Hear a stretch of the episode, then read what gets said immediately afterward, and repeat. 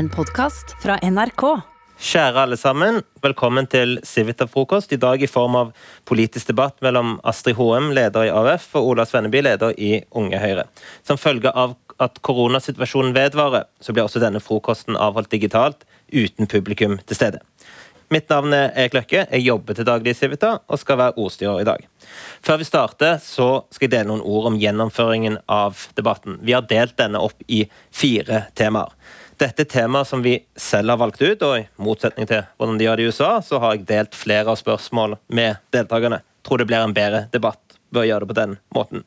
De temaene som vi skal innom, det er økonomisk politikk og skatt, velferdsstat, klima og utenrikspolitikk. Og Det er det vi skal få tid til i løpet av en time. Og Vi skal også få en avslutningskommentar, en avslutningsappell, helt til slutt, hvor begge debattantene får 90 sekunder til å dele sine tanker helt avslutningsvis. Vel, det var de praktiske opplysningene. Da setter vi i gang. Starter med deg, Ola. Eh, vi er jo i en situasjon med korona som preger hele samfunnet. Eh, hvordan vil du si at vi har takla den situasjonen med korona? Mm. Jeg tror jo ikke at man vet det helt sikkert før situasjonen er over og man kan se tilbake på perioden og, og, og slå det fast. For det kommer garantert til å være ting som man ser at var galt, at man tok for hardt i, at man ikke gjorde nok. Enten det er både med tanke på smitte eller, eller økonomien. Men hvis man ser på andelen mennesker i Norge som har eh, dødd, hvis man ser på andelen mennesker som har vært i karantene, hvis man ser på hvor lite egentlig økonomien har har, eh, har, eh, krympet sammenlignet med eh, alle andre land, eller de fleste andre land, i hvert fall, så tror jeg det er en del ting som tyder på at dette har vært håndtert ganske bra. Det er ting man kan helt sikkert finne i ettertid, men summa summarum akkurat nå, så tror jeg det kommer til å være konklusjonen. Astrid, hva er din tanke? Altså, det har vært et ganske kjipt år, men jeg er enig med Ole. At uh, i Norge så har det summa summarum så langt gått bedre enn i de aller fleste land. Og hvis vi skal være litt ærlige om hva som er bakgrunnen for det, så er jo ikke det smittevernsutstyr eller munnbind, for i starten så hadde jo ikke vi noe av det. Eh, det er 70 år med sosialdemokratisk politikk. Fordi når vi, krisa ramma oss, hadde vi allerede penger vi kunne bruke gjennom et oljefond som sosialdemokratiet hadde vært med på å sette opp. Når folk mista jobbene sine, så hadde vi en velferdsstat som sto klar.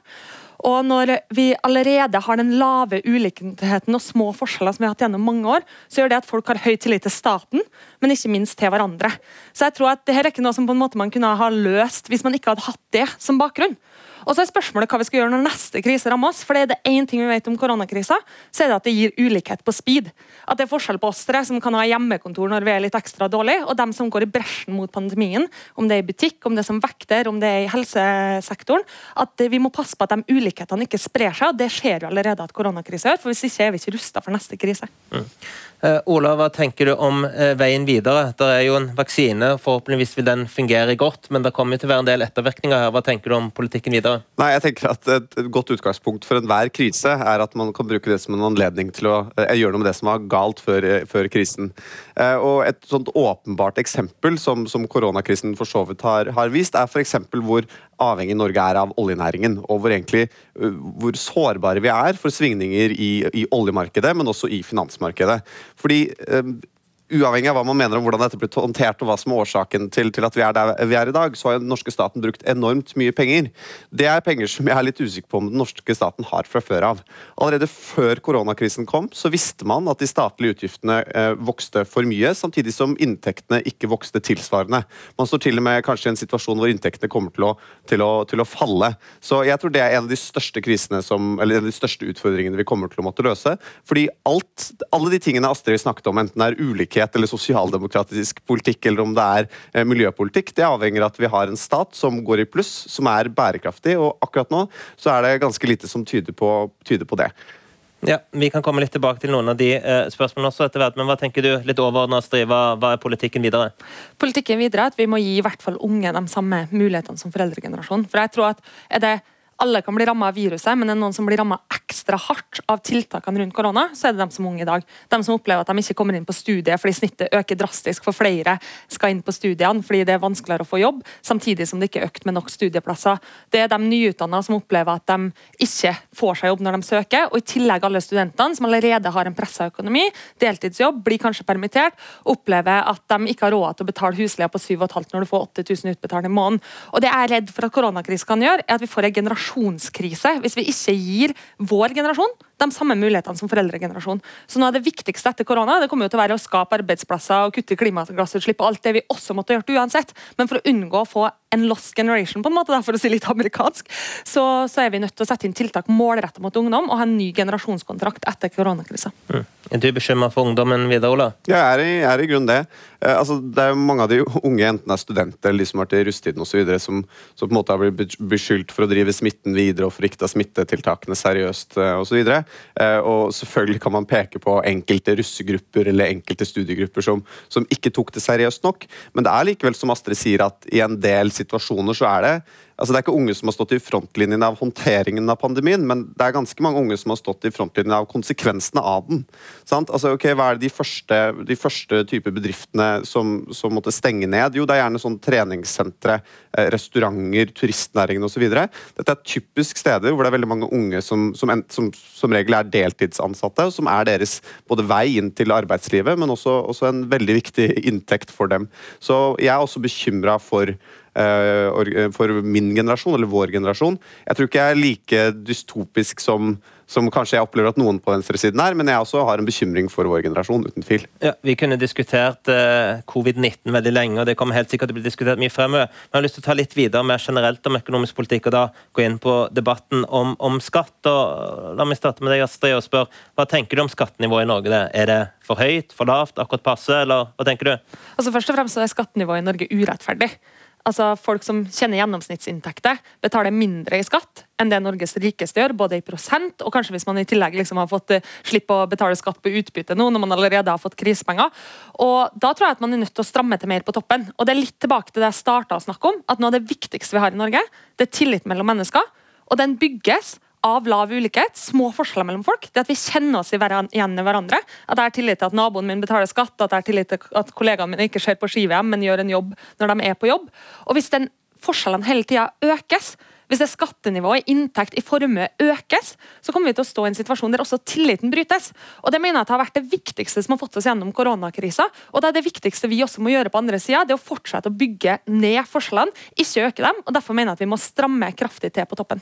Før vi går videre, Tole, Når du sier Norges rikeste, så kan jo det være et sånn abstrakt begrep. Hvem snakker du om? Fordi at De som tjener mest, de betaler jo også mer skatt hvis du ser på inntektssystemet. Som når du snakker om de rikeste, hvem snakker du om da? Da snakker jeg om dem som har fått de største skattekuttene fra regjeringa regjeringa på formuesskatt. De som sitter og eier 200-300 boliger i Oslo her og bare venter på prisstigning, kanskje ikke leier ut engang, uten at de blir skatta ordentlig. De som eh, arver masse penger, sånn at det lønner seg mer å arve enn å gå på jobb. Det er Norges rikeste. Folk som går på jobb og eh, er helsefagarbeider eller bussjåfør eller gjør vanlige yrker, som betaler av skatten sin, de skal sitte med, med mer igjen av inntekta si i måneden, mens de som har mest fra før, de skal også bidra mer. Mm. Ola, hva tenker du om skattenivået? Ja, altså Jeg er jo en av få, en av, få, en av de i Høyre som er, igjen, jeg, som er igjen i partiet, og hvert som sier det høyt, som mener at uh, lavere skatter er et selvstendig poeng i seg selv. Uh, men jeg tror det viktigste med skattesystemet nå, det er å sørge for at skattesystemet bidrar til vekst, at det bidrar til en utvikling, og at det bidrar til at, til at, den, til at uh, norske Norge AS da, kan, få, kan, få, flere bein å stå på. Og jeg tror ikke en, en skatteregning til altså Venstresiden snakker alltid om de rikeste, og så snakker jeg om bedriftene. Det er på en måte gangen i dette der. Eh, jeg tror ikke en skatteregning til veldig mange av de som nå sliter, er riktig vei å gå. Eh, og for meg så handler dette om så, så, så, handler dette om at jeg har lyst til at vi, skal ha, eh, at vi må ha flere bein å stå på. At vi skal ha flere lønnsomme jobber i privat næringsliv. Og da er det flere grep som jeg er helt sikker på at man, man kan gjøre. Ja, veldig kort, Hvilke grep tenker du på? Hvilke, eh, hvis du sier at lavere skatt er et mål i seg selv, hvilke skatter burde da reduseres? Nei, altså jeg mener at litt sånn Prinsipielt så mener jeg at man åpenbart burde se på inntektsbeskatningen også, men for bedriftene så tenker jeg at man må ha et skattesystem som gjør at man er, har muligheten til å konkurrere, og at man har muligheten til å, til å eie noe norsk, og da kommer jo formuesskatten med en gang. Eh, fordi jeg syns det er et selvstendig poeng at bedrifter er norskeide. Fordi jeg tror at under koronakrisen, hvis man snakker om tillit, så tror jeg at de som eier en bedrift, som har barn som går i barnehagen med de som jobber der, som er en del av det samme lokalsamfunnet, gjør at man velger å drive litt lenger. Gjør at man har et helt annen forpliktelse til lokalsamfunnet. og Derfor syns jeg det er ganske urettferdig at de er nødt til å betale en skatt som konkurrentene ikke betaler. Oskar Sylte eksempel, er nødt til å betale formuesskatt, mens Coca-Cola slipper. og Det syns jeg er grunnleggende urettferdig for de som ønsker å skape noe i Norge. Mm. Altså, du sier at skattesystemene er først og fremst grunnleggende urettferdige.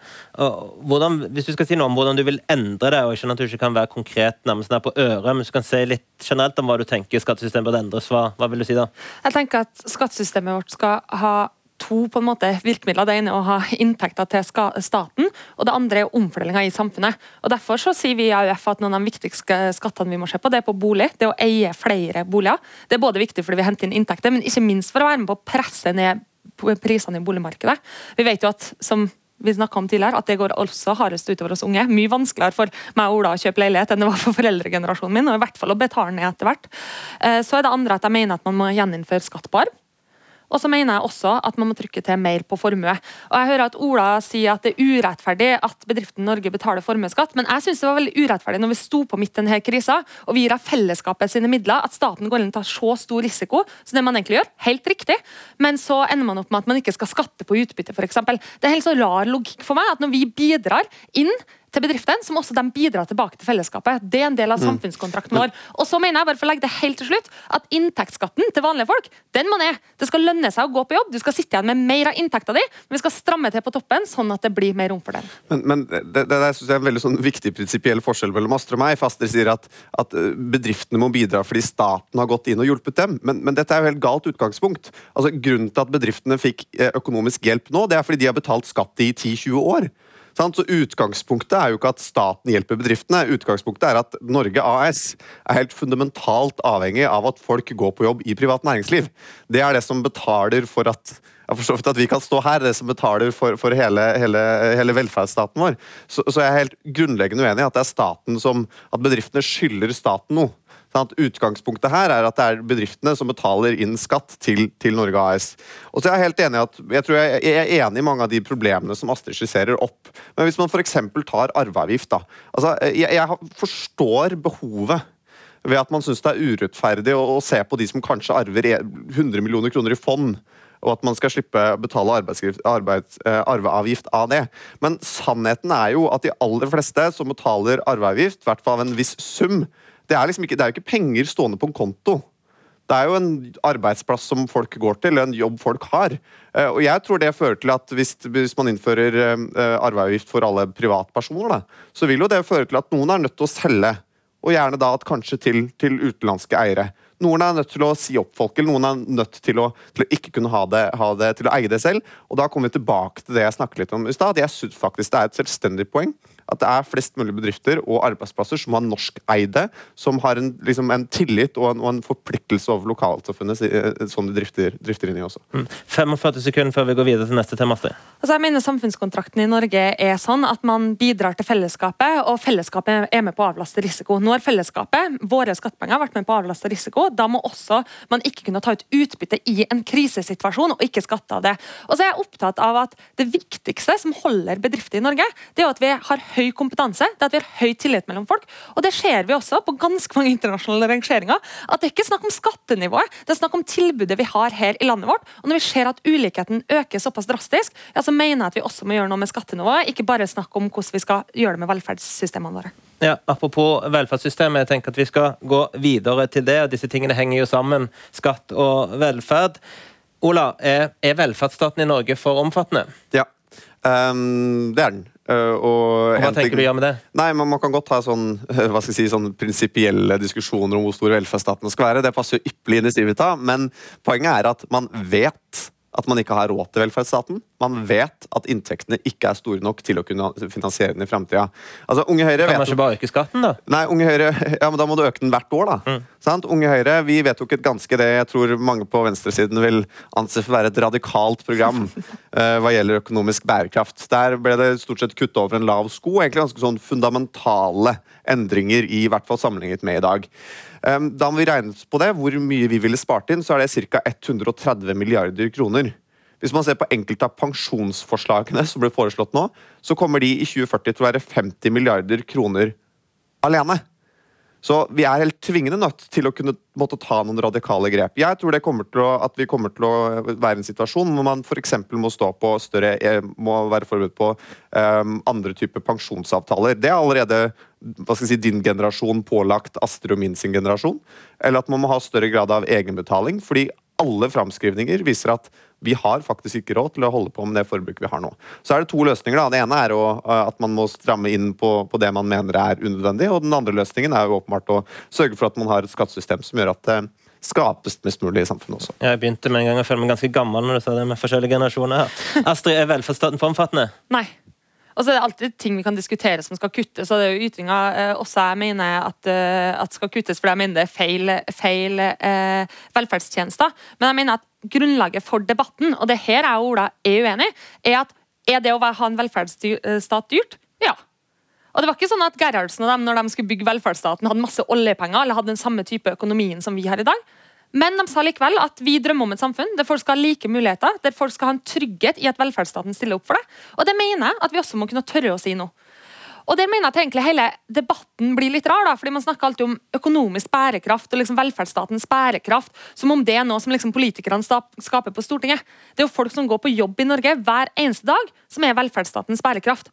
Og det at de går på jobb, det at de har en barnehageplass, det at de har en velferdsstat som stiller opp, det er også det som driver bærekraften i velferdsstaten vår. Og da mener jeg at man heller politisk må si ja, det koster penger, men det har vi også valgt at det skal gjøre. Og Da må man stramme til, for i toppen. Gjøre det mer omfordelende. Hente inn mer skattepenger, men ikke drive med sånne usolidariske kutt som regjeringa har gjort de siste snart åtte åra. Jeg, jeg, er helt enig i at, at, det er folk som går på jobb hver dag, som driver velferdsstaten. Eh, men det er fortsatt stortingspolitikere som har muligheten til å slå den konkurs. Fordi det er tross alt de som vedtar et statsbudsjett som tross alt skal ha større inntekter enn den har utgifter. Og jeg er også enig i at vi skal gjøre, vi skal gjøre alt vi kan for å på en måte bevare det som er det fundamentale i velferdsstaten vår. Den tror jeg Det er ganske, det begynner å bli ganske mange år siden da Høyre gikk til krig mot velferdsstaten, for å, for å si det sånn. Eh, men man kommer liksom ikke unna at uansett hvor mye man mener, uansett hvor, mye man, hvor flott man mener velferdsstaten er, eller hvor bra man mener det er, at man skal se bort fra kostnader, at utgiftene er i ferd med å bli altfor store. Eh, og én ting er at man kan sitte stille i båten nå og si at eh, ja vel, men da, da må vi bare gjøre litt justeringer. Men da hjelper det jo i hvert fall ikke da, da man i tillegg kommer med ekstraforslag som kanskje i år koster 3 milliarder. For det er det nå justeringene i pensjon gjør. Dette er kritikk av mitt eget parti òg, bare for å understreke det. Men som man vet at i 2040 kommer til å koste 50 milliarder kroner. Eh, jeg er helt enig med Astrid at eh, velferdsstaten er, er, veldig bra. Det er grunnstein i det norske samfunnet. Men det er nettopp derfor vi må gjøre justeringer som gjør at vi faktisk har råd til å betale for den også. Mm. Det er jo ganske mange offentlige utredninger også under sosialdemokratiske regjeringer som viser at det er ikke samsvar mellom inntekter og utgifter fremover. Pensjonssystemet et eksempel, andre eksempler. Hvordan tenker du å, å løse de de utfordringene? Altså, så mener jeg at Man må gjøre noe med inntektssida, sånn som jeg sa i den forrige runden vi snakka om. Og så mener jeg også at det er ting man kan kutte. Jeg kan godt kutte kontantstøtta i morgen. Det hadde jeg vært fornøyd med. Det er liksom ting man kan gjøre som endring av velferdsstaten. Den skal ikke være akkurat sånn som den er i dag, i framtida. Men den prinsipielle forskjellen som jeg og Ola ikke er enige om, det er hvem som skal betale for at politikerne sliter med inntekt i utgiftssida. For mens liksom høyresida mener at eh, de som har mest fra før, de motiveres av å få enda mer, så skal de som er vanlige folk, de skal motiveres av pisk. liksom Få mindre, kutt i støtte, ikke få de samme type skattekuttene. Og det mener jeg grunnleggende urettferdig. Og jeg mener også at man politisk må tørre å si ja, vi skal ha en velferdsstat. Ja, vi skal klare å skaffe inntektene til det. Ja, vi mener at det ikke skal gjøres gjennom å kutte i velferden til vanlige folk. Kan du ikke være litt konkret når du sier at du ville ta ganske radikale grep som er vedtatt i Unge Høyres uh, plattform? Da er jo spørsmål om sykelønn, pensjon har du nevnt osv. Hvor, hvor, hvor tydelig kan du være på disse usolidariske grepene? Som Nei, men det det, er, det er, på en måte to forskjellige ting, to forskjellige ting man gjør. En ting er de man, man fjerner, fjerner flatt. Det er altså, støtte til HRS, f.eks. Uh, støtte til støtte, kontantstøtte. Det er en del sånne små grep, men det er, jo ikke, det er jo ikke der de store summene er. En annen ting er at man f.eks.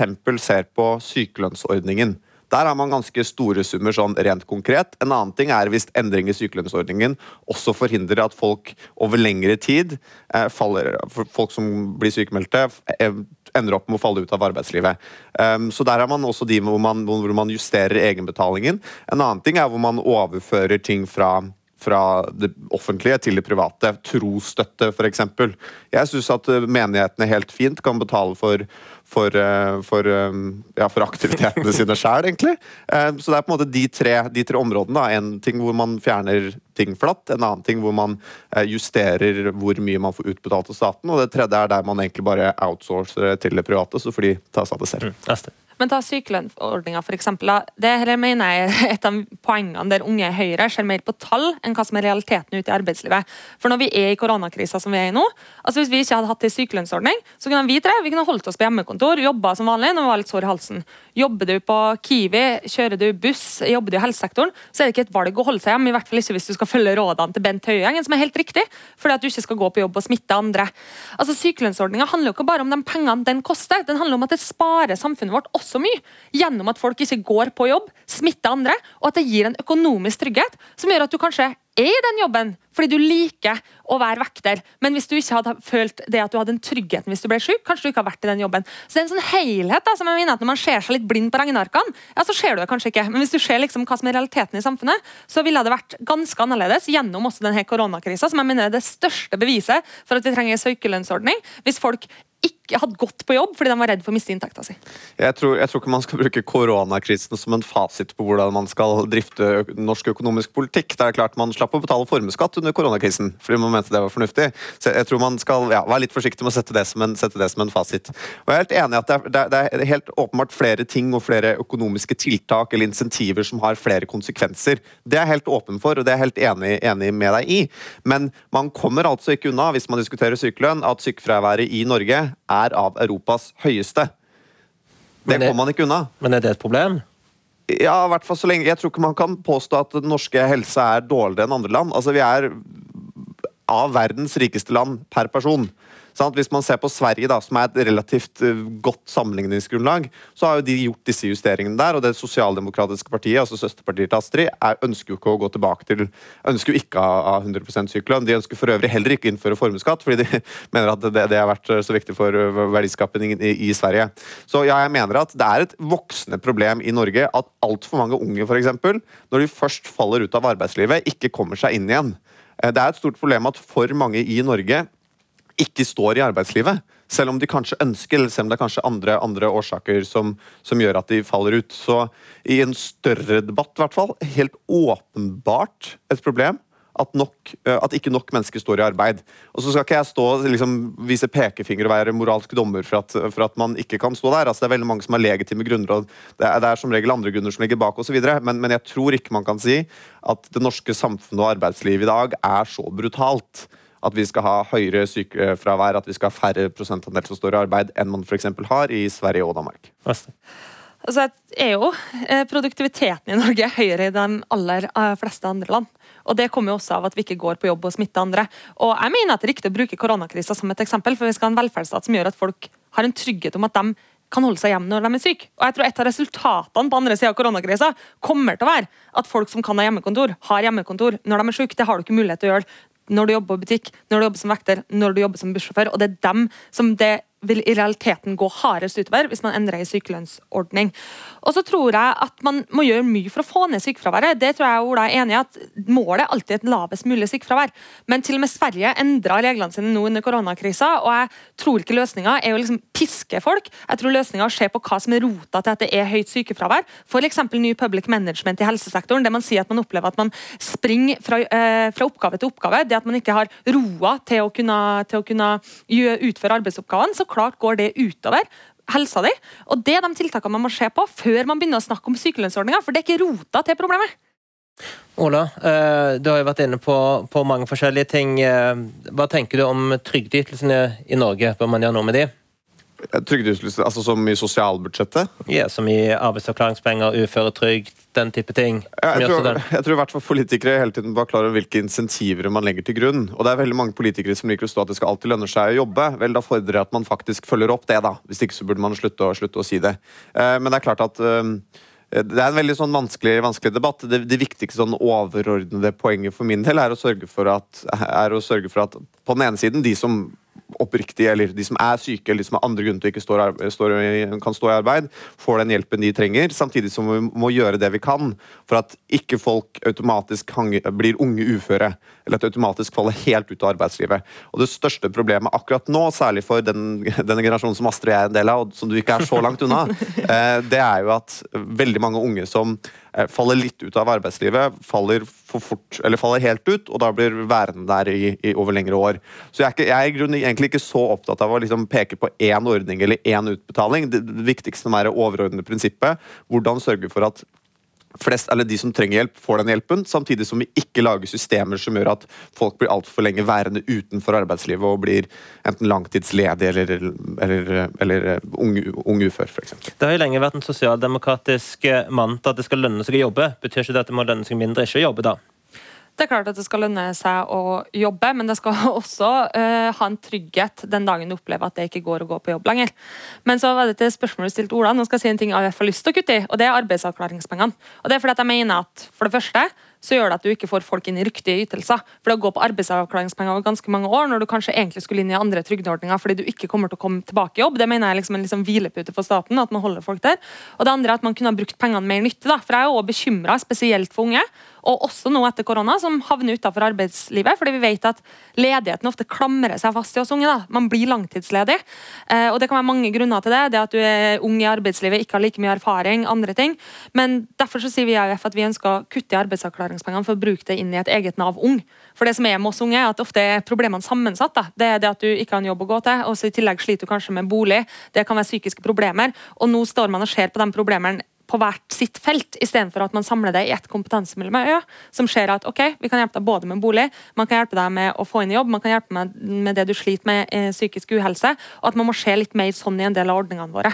Men det skal lønne seg å gå på jobb, for å svare på spørsmålet om innledningsvis, men det skal også være en trygghet på at den dagen du ikke makter, så skal velferdsstaten stille opp for deg, sånn som du har stilt opp for velferdsstaten gjennom mange år i arbeidslivet. Mm. Vi går videre til neste tema, som er klima. Uh, og Astrid, det har vært mye snakk om uh, internasjonalt USA, EU om denne Green New Deal. Nå har jo også regjeringen lagt fram klimaplan. Eh, men for å starte med denne Green New Deal, som man kan legge nesten hva som helst eh, inni. Eh, hva tenker du rent overordna? Trenger man en sånn grønn, ny økonomisk plan? Ja, jeg tror det. Og jeg tror at Noe av det viktigste vi må se på, er egentlig vi, hva vi verdsetter i økonomien vår. Uh, og Jeg sier ikke at vi ikke skal fortsette på en måte å ha økonomisk vekst, men vi er nødt til å se på forbruket vårt. Altså Forbruket i Norge har bare økt siden 1970-tallet, samtidig som lykkefølelsen vår har gått motsatt vei. Uh, men vi må se på hvor mye vi forbruker, og prøve å gå inn i en mer sirkulær økonomi, der man fortsatt kan ha en økning i i, i, inntekter til staten, en økning i inntekter til bedriften, men der du ikke får bruke like mye og bruke kast, men det går inn i et sirkulærsystem. Og så mener jeg at en Green New Deal da, i Norge det må bety rettferdig omstilling.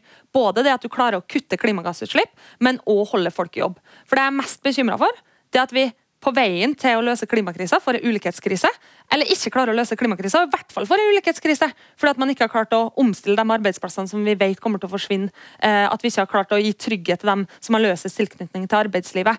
Så i en norsk kontekst så er det rettferdig omstilling jeg har troa på at skal klare å få oss gjennom denne krisa. fordi Klimakrisa er ikke en sprint. Vi skal ikke holde på med det i ett eller to år. Det er et maraton vi skal holde på med i ganske mange år. og Da må man nødt til å gjøre det rettferdig, hvis ikke vil Norge bo i et, være et ganske annet samfunn. Ola, hva tenker du om konseptet Green New Deal er noe vi trenger? Det, jeg tror det kommer litt an på hva man definerer som Green New Deal. og det kan at Jeg har vært litt mye på seminarer i Unge Høyre, men med en gang jeg hører sånn statlige femårsplaner og sånn, så får jeg litt sånn assosiasjoner til, til Stalins uh, industrialisering av Sovjetunionen. Uten å beskylde Astrid for det, altså. Uh, så jeg tror det kommer helt an på hva man, hva man legger i, i det.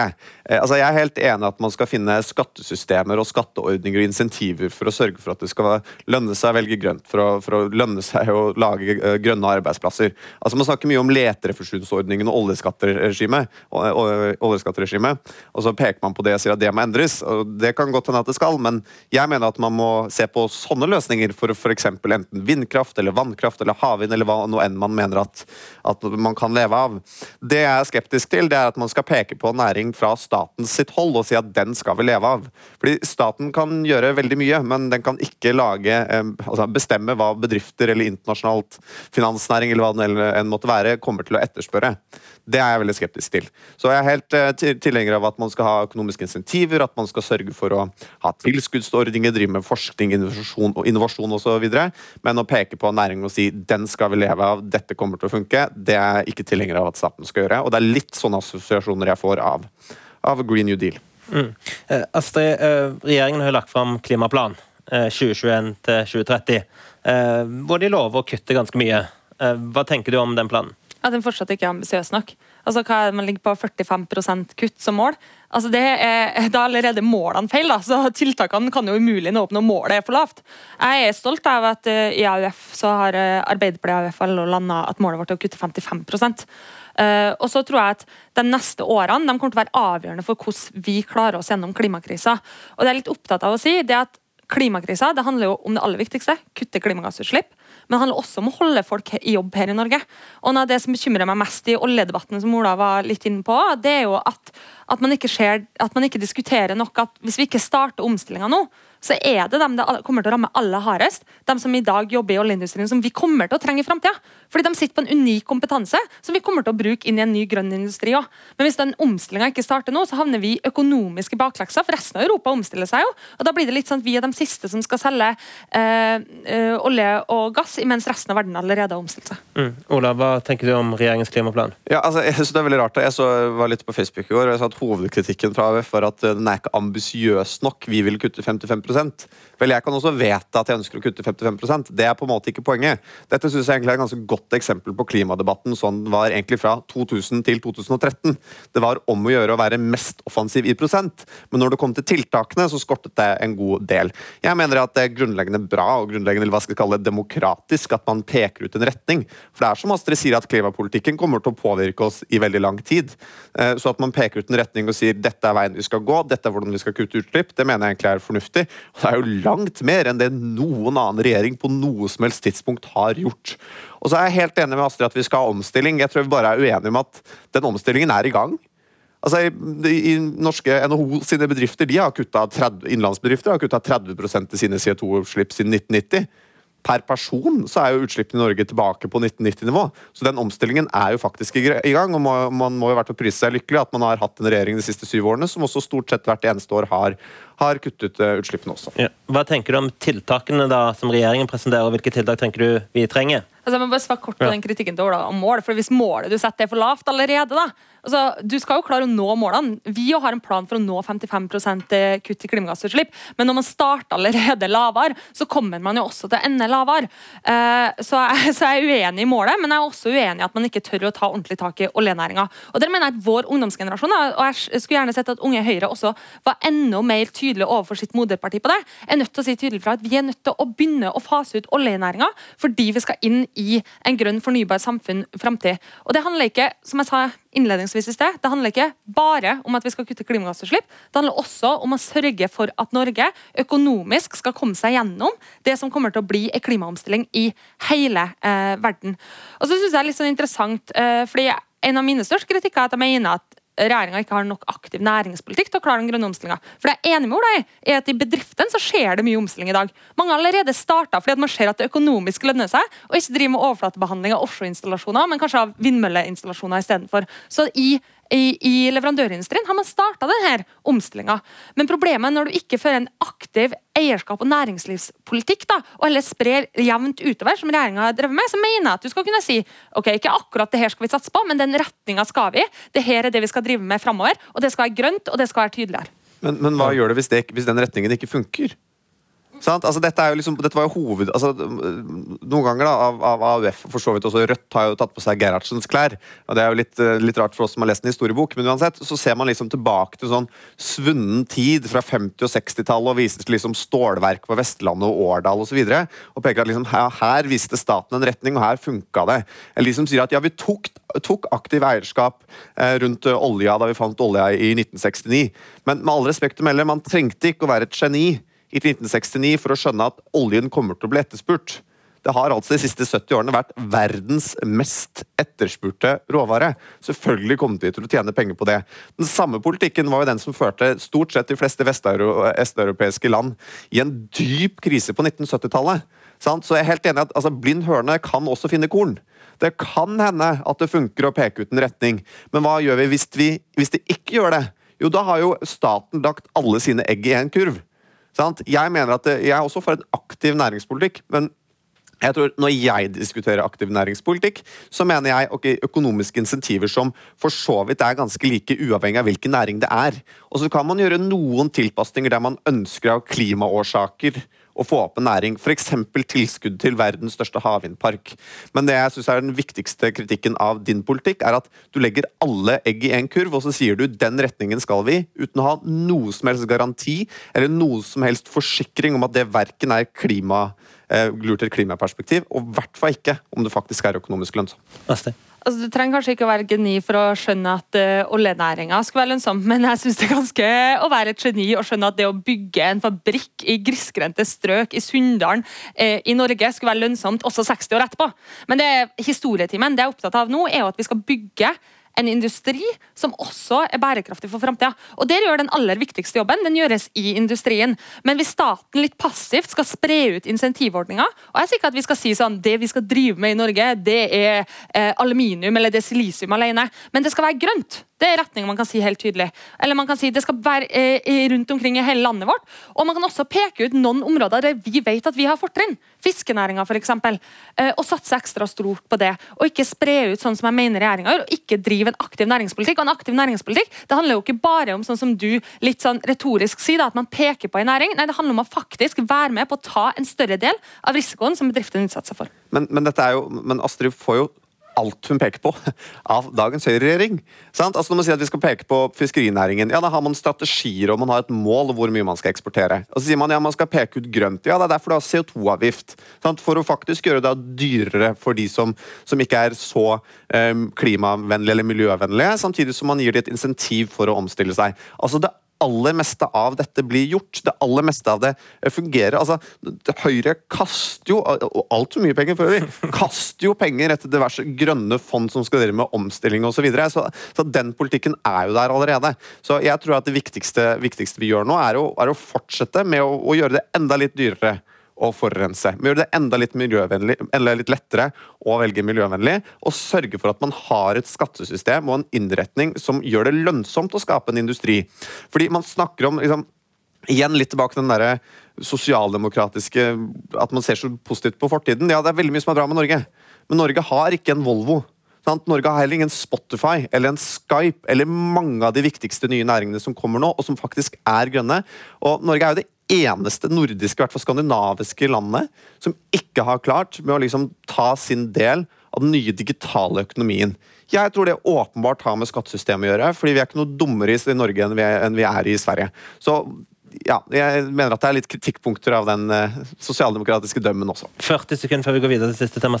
Men det er jo spørsmålet man mener, da, og Ola mener. fordi Hvis du vil ha Spotify, hvis du vil ha den type teknologibedrifter, at du mener at vi skal ha et skattesystem som ligner på det f.eks. Irland har, som ligner på de systemene der man egentlig ikke har kontorer i noen andre land, eller skaper arbeidsplasser i de landene, fordi at man setter seg ned i det som er Europas skatteparadis.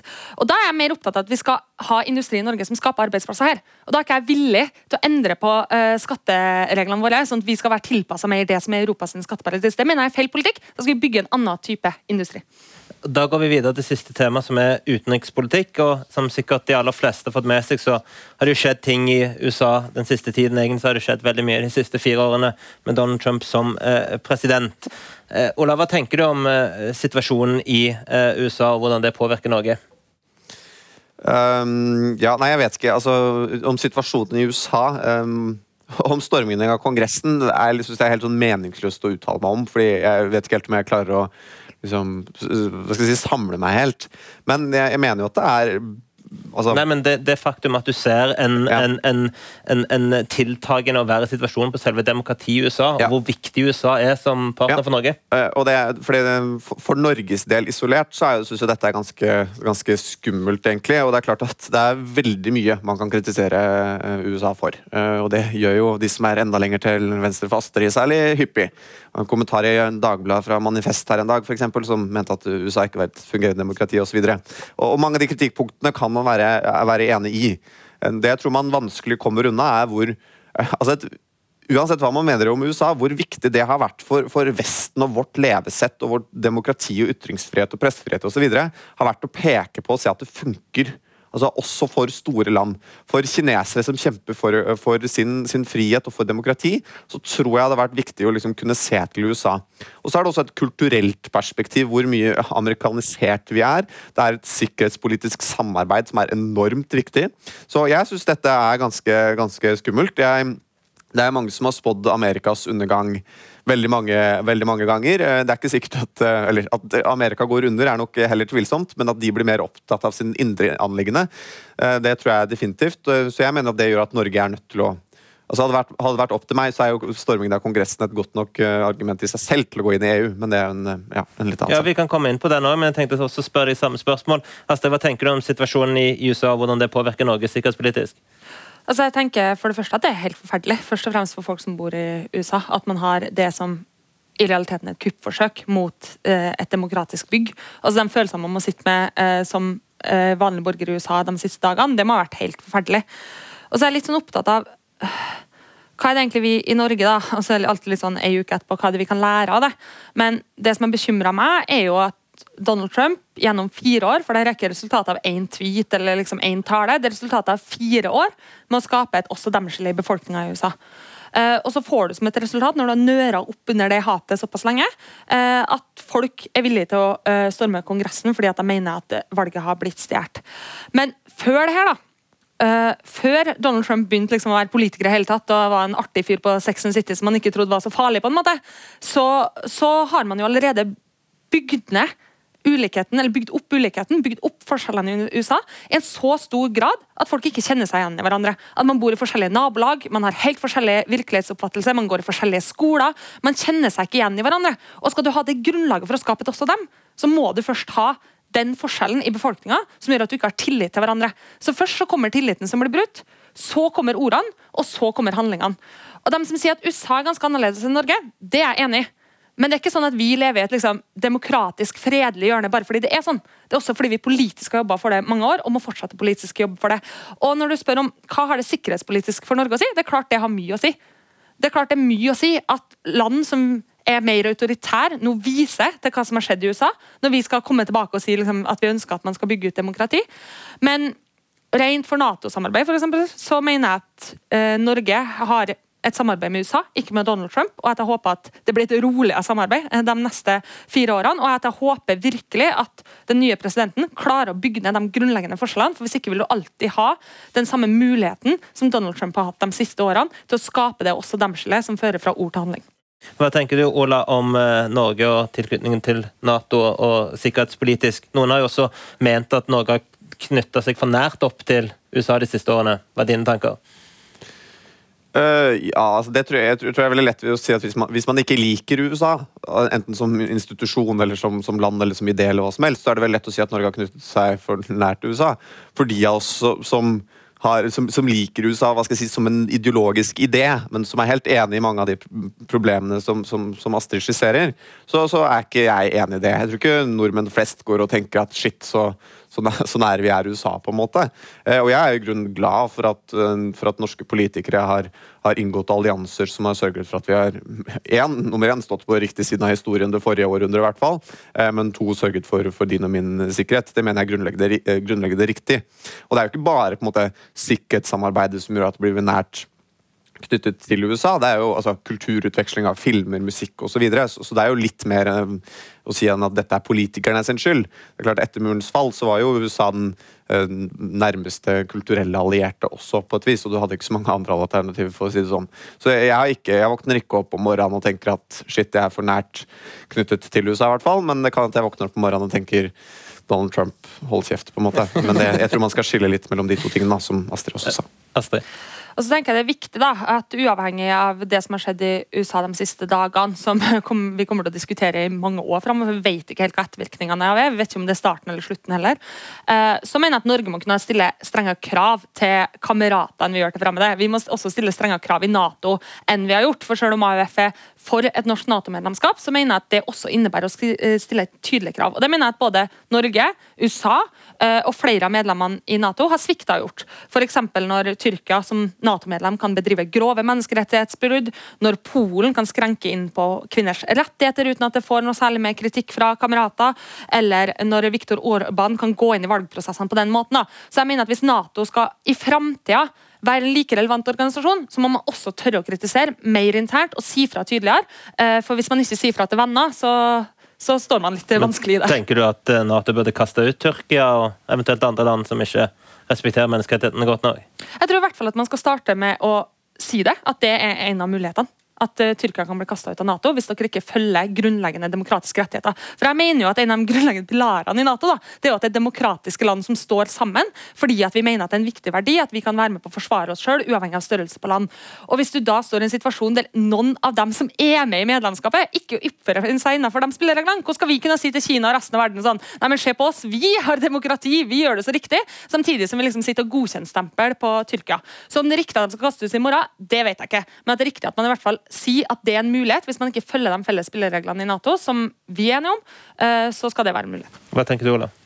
Nei, altså det, det jeg synes er Nato er på en måte to ting. Det ene er at det er et veldig sånn fornuftig sikkerhetssamarbeid. Det er liksom Hvis du summerer opp antallet dollar eh, de Nato-allierte bruker på, bruker på um, eh, forsvar til sammen og sikkerhet, eh, og sikkerhet så, så, når jo liksom land nummer to eller allianse nummer to opp til ankelen. Men jeg er også egentlig litt enig med Astrid at Nato er jo er jo litt sånn også et ideologisk prosjekt. på en måte. Det var jo liksom de vestlige demokratiene med ytringsfrihet og pressefrihet osv.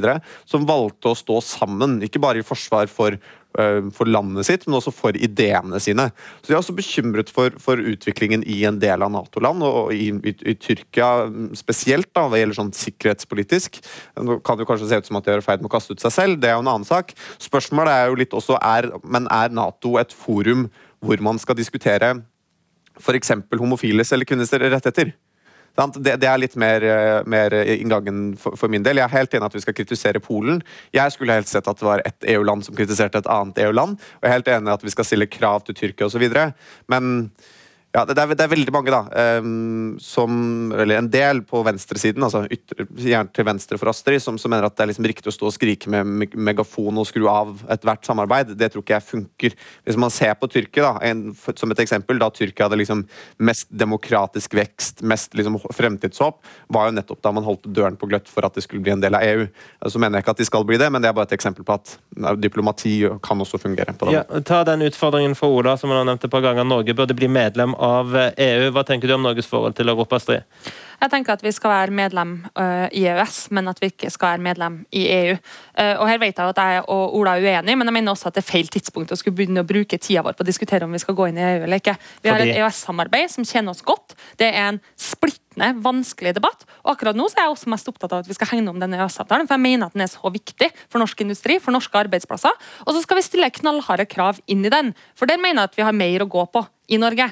At vi har direktiver som ikke passer uh, til norsk virkelighet. Vikarbyrådirektivet er et eksempel. Passer ganske godt i de fleste land i Europa som ikke har like sterke arbeiderrettigheter som vi har i Norge. Passer ikke like bra i Norge. Og Da må vi jobbe opp mot Europa på to spor. Det ene er at vi må være tidligere ut må si fra. Det her er den norske konteksten. Vi bruker for lite tid på å faktisk si sånn det her direktivet kommer ikke til å passe inn i Norge. Eh, og for avhengig av at land rundt oss også er med på å, å spille inn det samme. Det andre er at vi også må vite mer hva handlingsrommet i EØS-avtalen er. Så bare for sånn kort, jeg er mot norsk EU-medlemskap, det er AUF òg, eh, men for et norsk EØS-medlemskap. Mm, det er feil tidspunkt å diskutere EU nå, Ola? Nei, jeg ville jo egentlig tenkt når folk sitter og ser på TV og føler at Amerika faller sammen, og at det er opptøyer i USA, at da ville nøyaktig tidspunktet vært korrekt. Jeg mener jo i grunnen at hvert tidspunkt er riktig.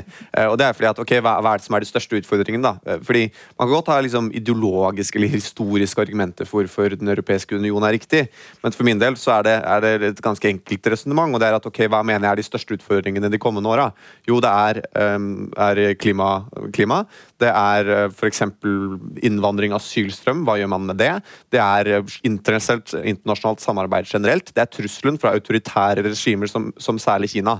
Og så kan man stille seg selv spørsmålet er Norge tjent med at Europa samarbeider, eller er man tjent med at de ikke samarbeider? For jeg syns en del, og for meg er svaret åpenbart selvfølgelig, og da bør vi også inn. For jeg syns det er en del som er EU-motstandere som slipper litt for lett unna ved å si at ja, men det er bra at EU samarbeider. Alt, veldig mye av det de gjør, er bra. Det er bra at det er blitt fred. Men vi skal ikke være en del av det. Det syns jeg er veldig sånn usolidarisk. Jeg mener at Hvis man er mot norsk EU-medlemskap, så burde man stilles litt hardere til veggs. Ok, Hvordan tror man Europa ville sett ut uten Den europeiske union? Ja, det er et godt spørsmål. Hvordan hadde Europa sett ut uten EU? Hadde det vært en god idé å, å bryte opp EU?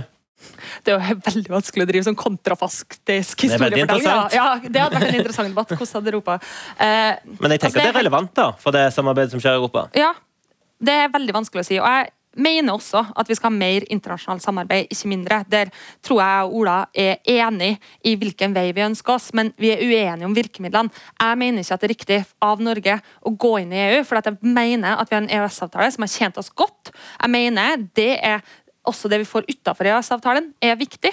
Uh, og så er jeg også grunnleggende da, uh, uenig i mye av markedstankegangen i EU. Det er en del av kritikken min for at jeg ikke ønsker å gå inn i EU. At jeg mener at den markedstankegangen, og her er Ola helt sikkert uenig med meg. Det er greit, for jeg er for du unge Høyre. Her skal vi også være uenige.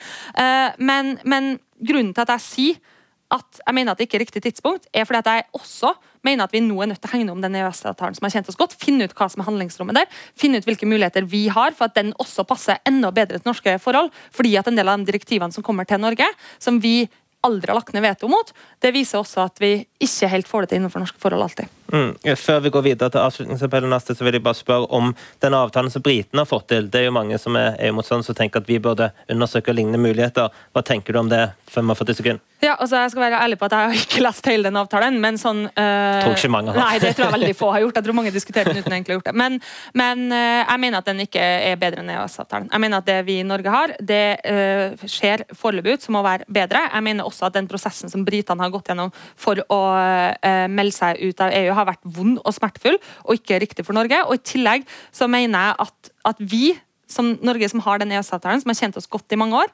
Eh, vi kan heller ikke tro at vi kommer til å få en bedre avtale enn det vi har fått og hatt de siste årene. Mm. Da tenker jeg at vi skal gå inn for uh, avslutningskommentaren, og da får både Ola og Astrid 90 sekunder til å si det de har lyst til å si. Vi starter med Ola, vær så god. Tusen takk. Jeg tror ikke jeg kommer til å bruke 90 sekunder heller, men tusen takk for debatten. Det er veldig hyggelig å, å bli invitert, også med veldig spennende, uh, spennende, temaer å diskutere. Jeg tror de siste dagene har vist oss, har vist oss, at verden akkurat nå er ganske urolig. Så for min del så er det er det, det, viktigste at Norge fører en forutsigbar, forutsigbar, utenrikspolitikk, hvor man tar de valgene som er riktige, og, og, bidrar til større internasjonalt samarbeid. Hvor vi står sammen med våre allierte for å f.eks. sørge for at Kina får minst mulig innflytelse over også Europa, men også alle andre andre land. Jeg tror at, eh, at koronakrisen har vist oss at vi trenger flere bein å stå på. At vi må ha en skattepolitikk som sørger for at det blir flere arbeidsplasser, og ikke minst flere lønnsomme arbeidsplasser også. Og så tror jeg jeg holder, det, holder meg til det og sier tusen takk for meg, og takk for invitasjonen. Ja, Kort kan ofte være godt, det. Astrid, din siste 90 sekunder. Tusen takk for, eh, for debatten. Også, jeg skal prøve å holde det kort, men jeg tror egentlig det viktigste de siste dagene har lært meg, det er det at å leve i et land med så lave forskjeller som mulig, det er et privilegium. Og En av de tingene som har bekymra meg aller mest, hvis vi skal snakke om den siste uka, det er nettopp det som har foregått i USA. Fordi at Du skaper et rom når forskjellene øker, når du ikke lever i samme nabolag, når du ikke lever i samme virkelighet, når du går på forskjellige skoler, når tilliten er såpass splitta at du ikke kjenner deg igjen i hverandre. For å få politikere som Donald Trump, som skaper et også et dem, og som videre går fra å bruke ord til at man oppfordrer til handling. Og det er heller ikke vi i vår del av hjørnet i verden helt fjern fra. Altså Ulikhetene i Norge har økt. Det er folk også i Norge som vil si at de ikke kjenner seg igjen i livene man lever i forskjellige byer, forskjellige bygder eller forskjell med forskjellige inntekter. Og da mener jeg at Den viktigste politiske oppgaven de neste åra er å holde forskjellene lav For det er også det viktigste bolverket vi har mot ekstremisme, mot ord eh, som splitter oss, mot handlinger eh, som treffer oss. Så med det så vil jeg si tusen takk for en god debatt. Ola, Astrid, tusen takk for at dere stilte opp så tidlig på morgenen i dag. Det er et valgår 2021. Det blir masse spennende eh, debatter. I dag så har jo med vilje fokusert på politikken og de politiske løsningene. Det kommer til å komme masse mer debatter om, om hvem som skal samarbeide med hvem osv. Så, videre. så det er masse å se frem mot. Da gjenstår det bare for meg Erik Løkke, og ønsker alle sammen en riktig god dag. Du har hørt en podkast fra NRK. Hør flere podkaster og din NRK-kanal i appen NRK Radio.